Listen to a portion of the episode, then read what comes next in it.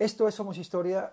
Aquí explicamos la historia de España a un nivel segundo de bacharelato, a un nivel abau, que como denominamos a selectividade aquí en Galicia. O título do episodio ou da composición que imos a resolver hoxe, que a composición 24 das 25 que vos poden caer, a penúltima xa, o título decía é A crise da UCD e o golpe de Estado. E o que teríamos que facer é o de sempre. Teríamos que elaborar unha redacción para dar resposta a este título pasando por uns puntos que nos sinalarán nas orientacións e tratando de integrar na nosa redacción a información dos documentos, dos tres documentos que nos poñan no exame a modo de pista. Cales son esas orientacións, eses puntos polos que temos que pasar na nosa redacción? Pois o primeiro, a explicar as dificultades básicas polas que pasou a UCD, o partido de Suárez, e que acabarían levando a este a dimitir como presidente do goberno, e explicar o intento de golpe de Estado que ah, tivo lugar neste contexto deténdonos especialmente nos obxectivos dese golpe de Estado, nos principais líderes, na actuación ou rol da monarquía ese día e nas consecuencias que finalmente tivo este golpe a pesar do seu fracaso. Como empezaríamos? Pois eu sempre recomendo utilizar un párrafo introductorio, recordade por favor tamén, moi importante, deixar marxes, por menos pola esquerda, dous dedos de marxe, letra moi clara, todas as facilidades que podades dar a un corrector que tenga a dura tarefa de corregir 150 exames aproximadamente, moi longos ademais, en apenas 4 ou 5 días, todas as facilidades se volverán ao vosso favor. Así que marxe ou a letra e un párrafo introductorio sempre está moi ben para encetar, para iniciar o exercicio. Poderíais facelo dicindo algo así como estes documentos permiten elaborar unha composición de texto histórico sobre a crise da UCD e o golpe de Estado do 23F. E donde empezaríamos? Pois eu empezaría, eu engancharía na Constitución do 78. Non é que teñades que explicala, porque eso toca na composición anterior, o fixamos no episodio anterior, por lo tanto non, non toca ahora, non seríamos do tema. Pero sí que estaría ben empezar coa Constitución do 78, dicindo algo deste estilo coa Constitución do 78, que era a base da nova democracia española, xa aprobada o 6 de decembro, resulta que esta, que esta Constitución obrigaba ao presidente a ratificar o seu cargo por unha destas dúas vías. A primeira era pois por votación no Congreso, diante dos deputados. Os deputados debían votar, se ratificaban a ese presidente que entón era Adolfo Suárez, como sabedes. E a segunda vía era convocar novas eleccións. Pois ben, entre estas dúas vías que fixaba a Constitución, Suárez escolleu a segunda opción e convocou novas eleccións para marzo de 1979. Precisamente nun espazo electoral dos que se emiten na televisión, aquel momento en televisión española, Adolfo Suárez pediu votos españois desta maneira. Buenas noches, señoras y señores. Creo que por mucho que algunos empeñen en lo contrario, la labor realizada por UCD a lo largo de toda su gestión de gobierno será considerada como una de las más importantes de nuestra historia. La existencia hoy de una constitución válida para todos, la organización de las preautonomías, el saneamiento de la economía española y la reforma fiscal han sido posibles en poco más de año y medio gracias a que UCD ha sabido cumplir con sus promesas. Bueno, está sacando peito, obviamente. Leva ano e medio desde que o nomeou rei como presidente do goberno e xa tiña uns logros dos que presumir, uns logros que utilizar como carta de presentación. E iso fai neste espazo electoral Adolfo Suárez. E o caso é que debeulle funcionar a táctica porque a verdade é que nesas eleccións de marzo do 79 se calcaron prácticamente os resultados das eleccións do 77. É dicir, O primeiro partido, o partido máis votado, o partido que gañou claramente as eleccións foi o do Adolfo Suárez, a UCD, que obtivo unha ampla maioría, non maioría absoluta, pero sí ampla maioría, con 168 escanos. O segundo partido máis votado foi o PSOE, de Felipe González, con 121, que volvía a repetir, polo tanto, como líder da esquerda e como líder da oposición. E en terceiro lugar, novamente, o partido máis votado era o Partido Comunista, eso sí, con moita diferenza, é dicir, con 23 escanos tan só. En cuarto lugar, a Alianza Popular esta vez non concurría digamos que baixo esas siglas, senón que se metera nunha coalición con outros partidos e o facía entonces baixo o nome de Coalición Democrática. Pero o caso que o partido de Manuel Fraga, exministro franquista, Alianza Popular, quedaba nese cuarto lugar a moitísima distancia do resultado que les esperaban con moi poucos escanos. E seguían xa finalmente, como no caso anterior, os nacionalistas cataláns, esta vez con oito escanos, CIU de Jordi Puyol, e os nacionalistas vascos PNV de Xavier Arzallus con sete escanos. Fixadvos como novidade un partido considerado o brazo político de Herri Batasuna, conseguía entrar no Parlamento Español con tres escanos, e outro partido abertamente fascista, Unión Nacional, conseguía un escano cousa que non lograra na anterior uh, nas anteriores eleccións do 77. Pero, como digo, en liñas xerais prácticamente os resultados serán calcados. Eso sí, unha novidade máis era que a cantidade de españois que foran a votar ese día era menor e o foi en parte debido ao descontento o desgaste que supoñían as altas tasas de paro que se estaban vivindo naquel momento, a, o alto grado de inflación, é dicir, os prezos altos que había e o terrorismo que estaba castigando a sociedade española con demasiado frecuentes atentados na rúa.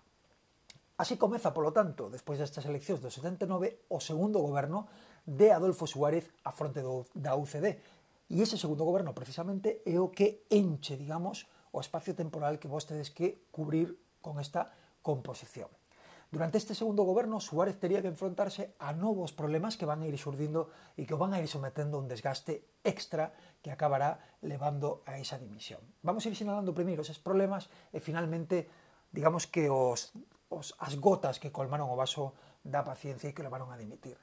Ben, en primeiro lugar, un problema foron as eleccións municipais que tiñan que celebrarse, se celebraron de feito en abril, prácticamente un mes despois destas eleccións que acabamos de comentar, se celebran eleccións municipais. Lembrade que vimos pois dunha dictadura e que había que ir democratizando pouco a pouco todas as estructuras do Estado. Tocáballe aos concellos e para democratizalos eran necesarias esas eleccións municipais. Nelas gaña claramente na maioría das cidades, por menos nas máis importantes, UCD, que é a que obtén máis votos.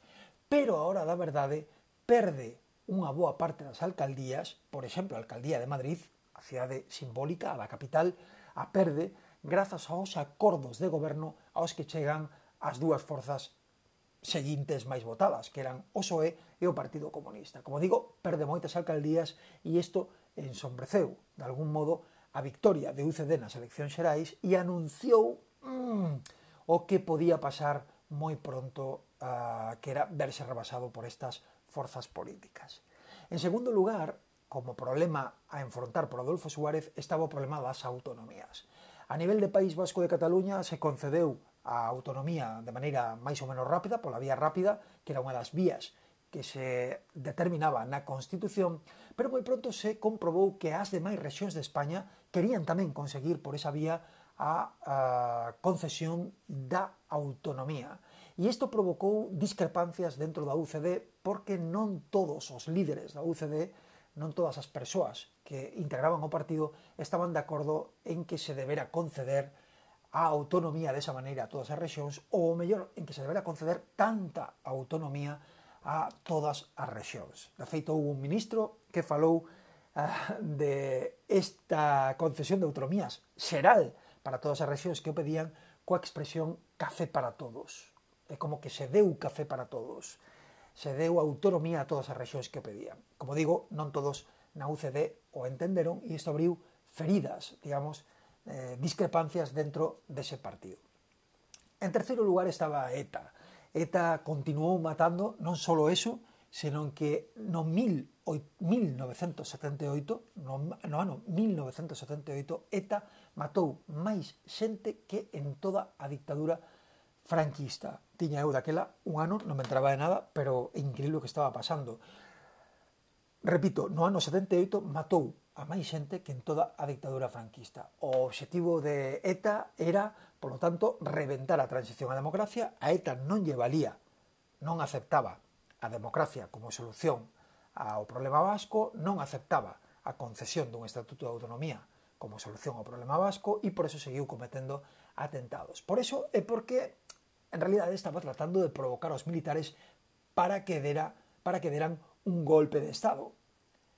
Por qué? Porque un golpe de Estado dos militares faría moito máis necesaria a ETA como forma de loita para conseguir ese objetivo da independencia do País Vasco. É dicir, a Río Revolto, pois ETA pescaría máis.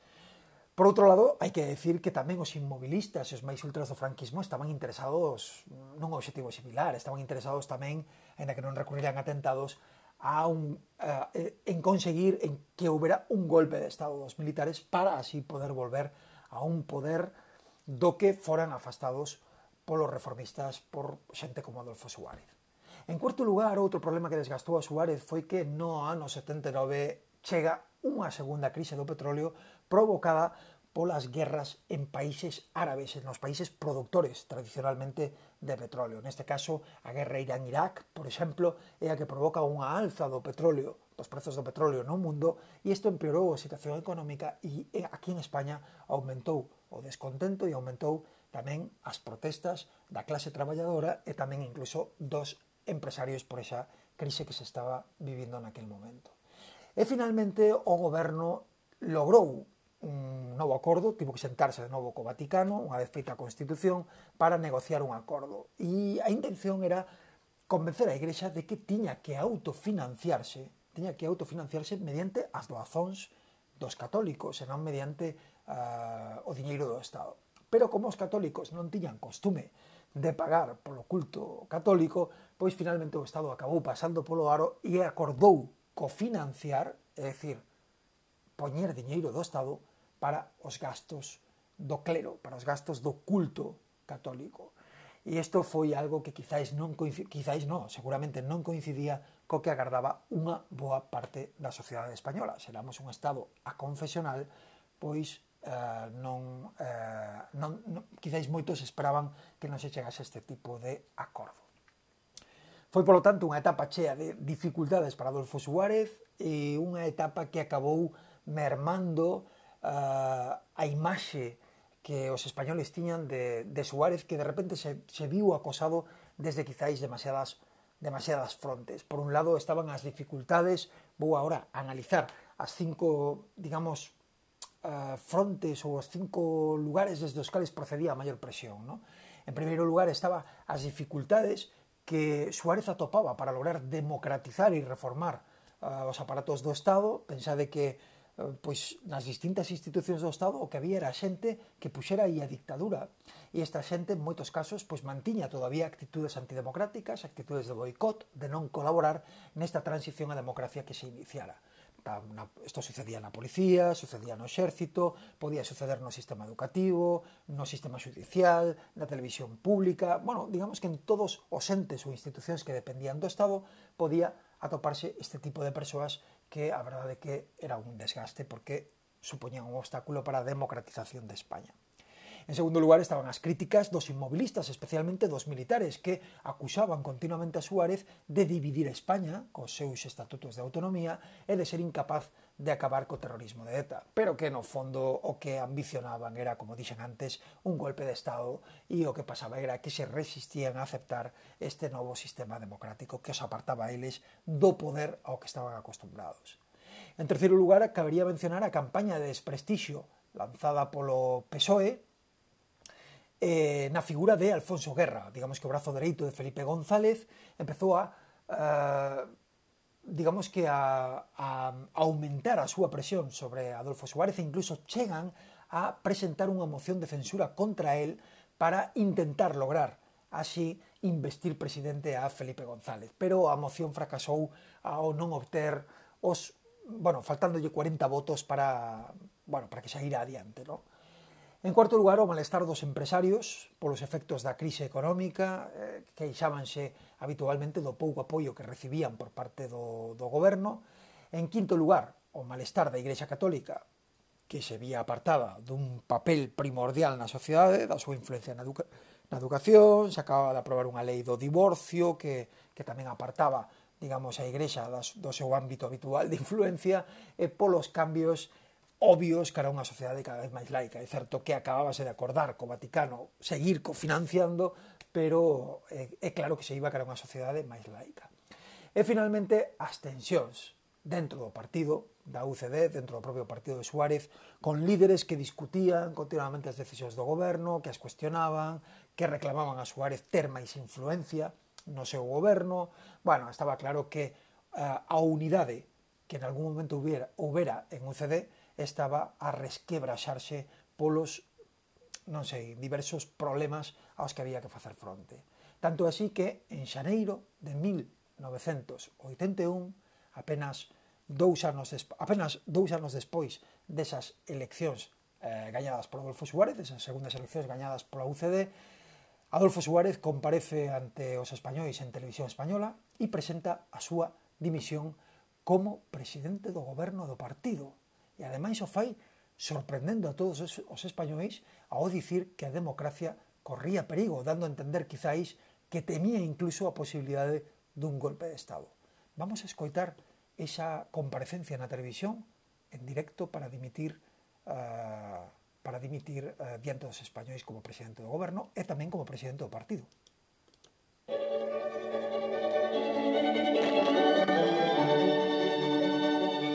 Buenas noches, señoras y señores.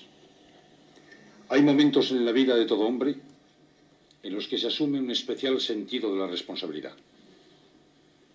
Yo creo haberla asumido dignamente durante los casi cinco años en que he sido presidente del gobierno. Sin embargo, la responsabilidad que siento hoy me parece infinitamente mayor.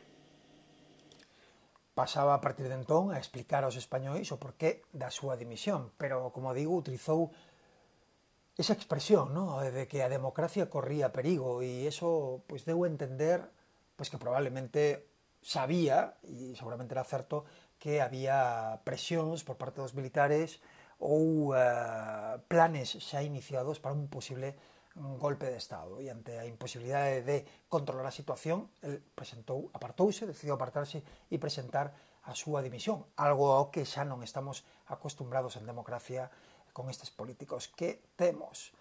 Bueno, este aparente valeiro de poder, porque agora con Adolfo Suárez dimitido, a UCD debía escoller candidato, o rei tiña que aceptalo e as cortes tiñan que votalo, tiñan que votar uh, por mayoría para lograr investirlo como presidente.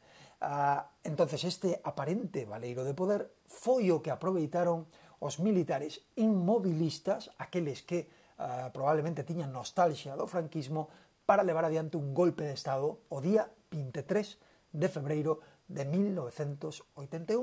Precisamente o día no que as Cortes estaban a tope de deputados porque se votaba a investidura de Leopoldo Calvo Sotelo, de UCD, esa persoa que UCD elexira para sustituir a Adolfo Suárez como presidente do goberno. Un Leopoldo Calvo Sotelo, por certo, que era sobrinho daquel José Calvo Sotelo que fora asasinado nos días previos ao golpe de Estado que acabou en Guerra Civil. Bueno, isto non é necesario, pero unha curiosidade que cabía explicar. O caso é que nese día, 23 de febreiro, iníciase ese golpe de Estado. Cal era o obxectivo? Bueno, asaltar o Congreso, eso está clarísimo. O objetivo era asaltar o Congreso, no que estaban todos os deputados e o propio goberno reunidos secuestrando desa maneira ao poder executivo, ao goberno e ao poder legislativo, ao parlamento.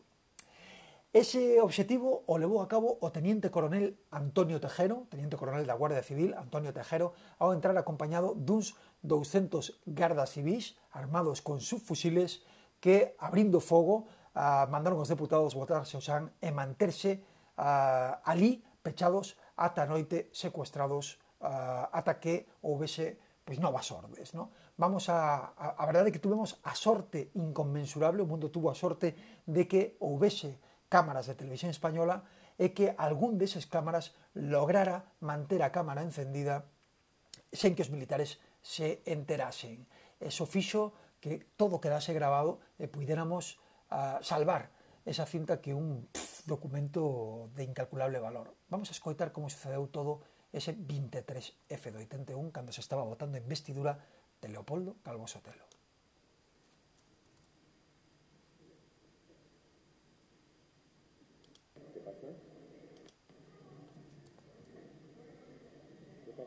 Están reunidos, se pregunta qué pasa. No. ¿Qué pasa otra vez? Todo el mundo quieto, se escoita de fondo. Parece que alguien está entrando en el Congreso. Y se ve al teniente coronel Tejero entrando armado con una pistola en la mano. Y este es el mundo.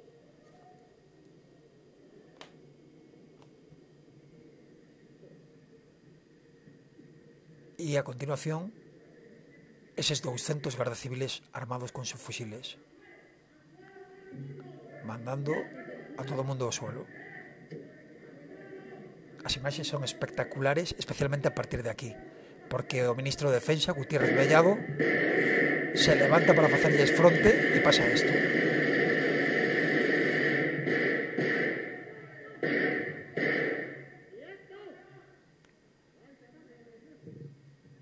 Moitos disparos ao teito, o ministro de Defensa Gutiérrez Mellado, que era o máis alto mando militar que había ali, un general do exército, de brazos en xarra, absolutamente imperturbable, tratando de decirlle aos guardias civiles que depuxeran as armas inmediatamente que ele era autoridade ali.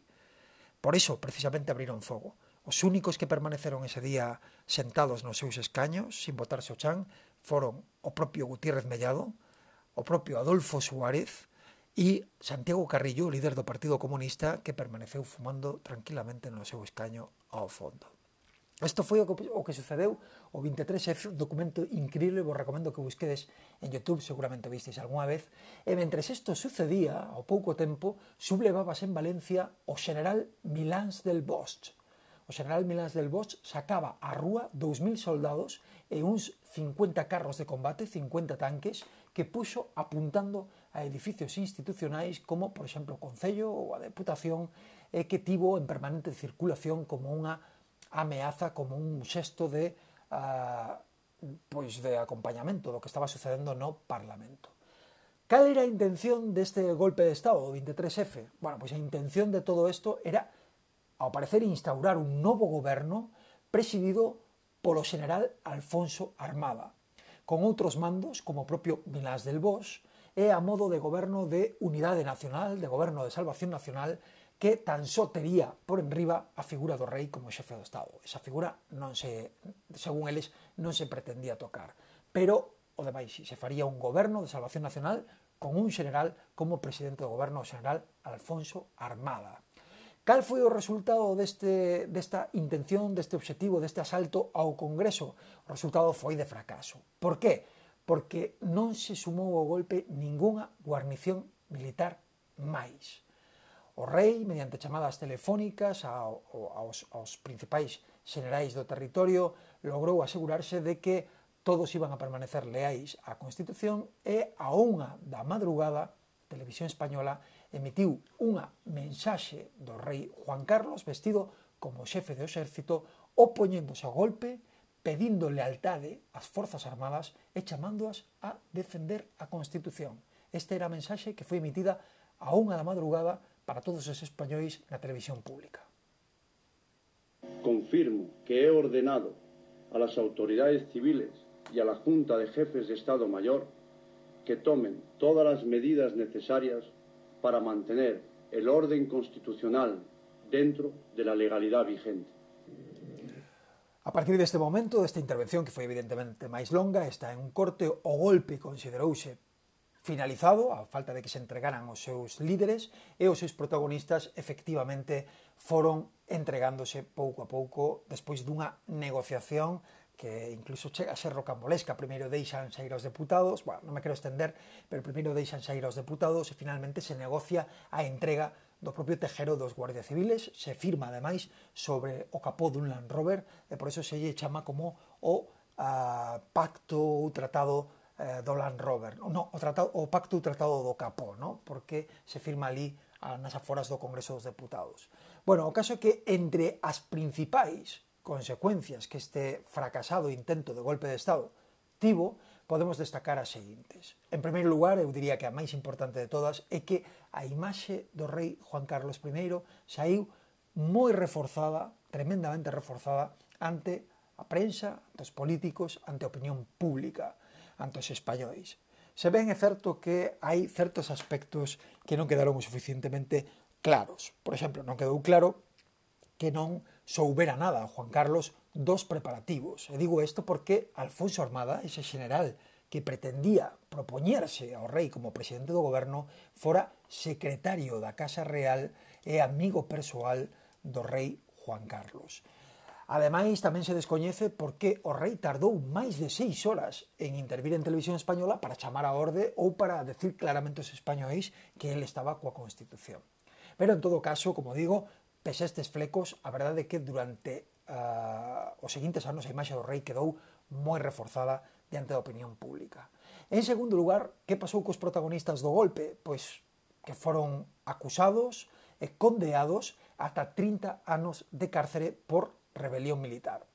Pero a verdade é que se si rastrexas a, a esas persoas, o que descubres é que ningún deles cumpriu a cadea a, a, a condea íntegramente saindo do cárcere pois aos poucos anos. O propio Alfonso Armada, por exemplo, logrou sair do cárcere ao cabo de seis anos alegando motivos de saúde e ademais que acataba a Constitución e o propio Tejero saliu, pois non sei, eh, dez anos despois, creo recordar, xa podía sair do, do cárcere. Así que ese foi o destino para moitos dos protagonistas do golpe. Algúns seguiron de feito no exército, outros non se lles permitiu, como o propio Tejero, pero en todo caso non chegaron a cumplir condena. Os militares, en xeral, sufriron un forte desprestixio, terceira consecuencia, polas súas, pola súa clara actitude antidemocrática, pola súa negación a pasar polo aro e a e, e transformarse a unha democracia, e os políticos aproveitaron esta ocasión para recalcar ante a sociedade a necesidade de reformar o exército e de someter ao poder militar, ao poder civil, no? de, de deixar o poder militar por debaixo do poder civil, de quitarlle aos militares esa influencia a que estaban tristemente acostumbrados na historia recente de España, a base de pronunciamentos, golpes de Estado e este tipo de actuacións. En cuarto lugar, e xa remato, os españois saíron masivamente á rúa nos seguintes días en manifestacións nas principais cidades de, cidades de España para amosar desa maneira a súa repulsa a calquera tipo de intervención do exército e a, para apoiar a liberdade, a democracia e a Constitución do 78. E finalmente os Estados membros da Comunidade Económica Europea na que España, xa o sabedes, pretendía entrar desde había anos, pasaron a dar facilidades e a acelerar as negociacións para que España efectivamente puidera ingresar canto antes, cousa que conseguiría xunto a Portugal en 1986 xa co goberno de Felipe González saca o goberno do PSOE porque no ano 82 nas seguintes eleccións que se celebren o descalabro será total para a UCD e o, o, o goberno quedará ocupado por Felipe González que consigue unha maioría absoluta. E, en fin, neste complicado contexto que acabamos de explicar de tantos problemas para UCD, de tantos problemas e desgaste para Adolfo Suárez, e deste golpe de Estado complicadísimo que puido realmente botar abaixo a transición á democracia que estaba prácticamente acabada, pois neste complicado contexto, apenas un mes despois do 23F, en abril do 81, apróbase definitivamente o Estatuto de Autonomía para Galicia, este Estatuto de Autonomía que temos actual actualmente. E nada, hasta aquí a composición 24, espero que vos fora proveitosa, que entendereis moi ben, e se non é así e tedes algunha dúbida, por favor, contactade a través do meu Instagram con unha mensaxe directa, privada, e eu vos contestarei seguro que moi rápido. Nada máis, moito ánimo, seguro que queda moi pouco se estás estudiando para Sabau e este é o momento no que se deciden as notas, así que a por elo. Nos escoitamos na seguinte, que será o último, o último episodio xa de Somos Historia.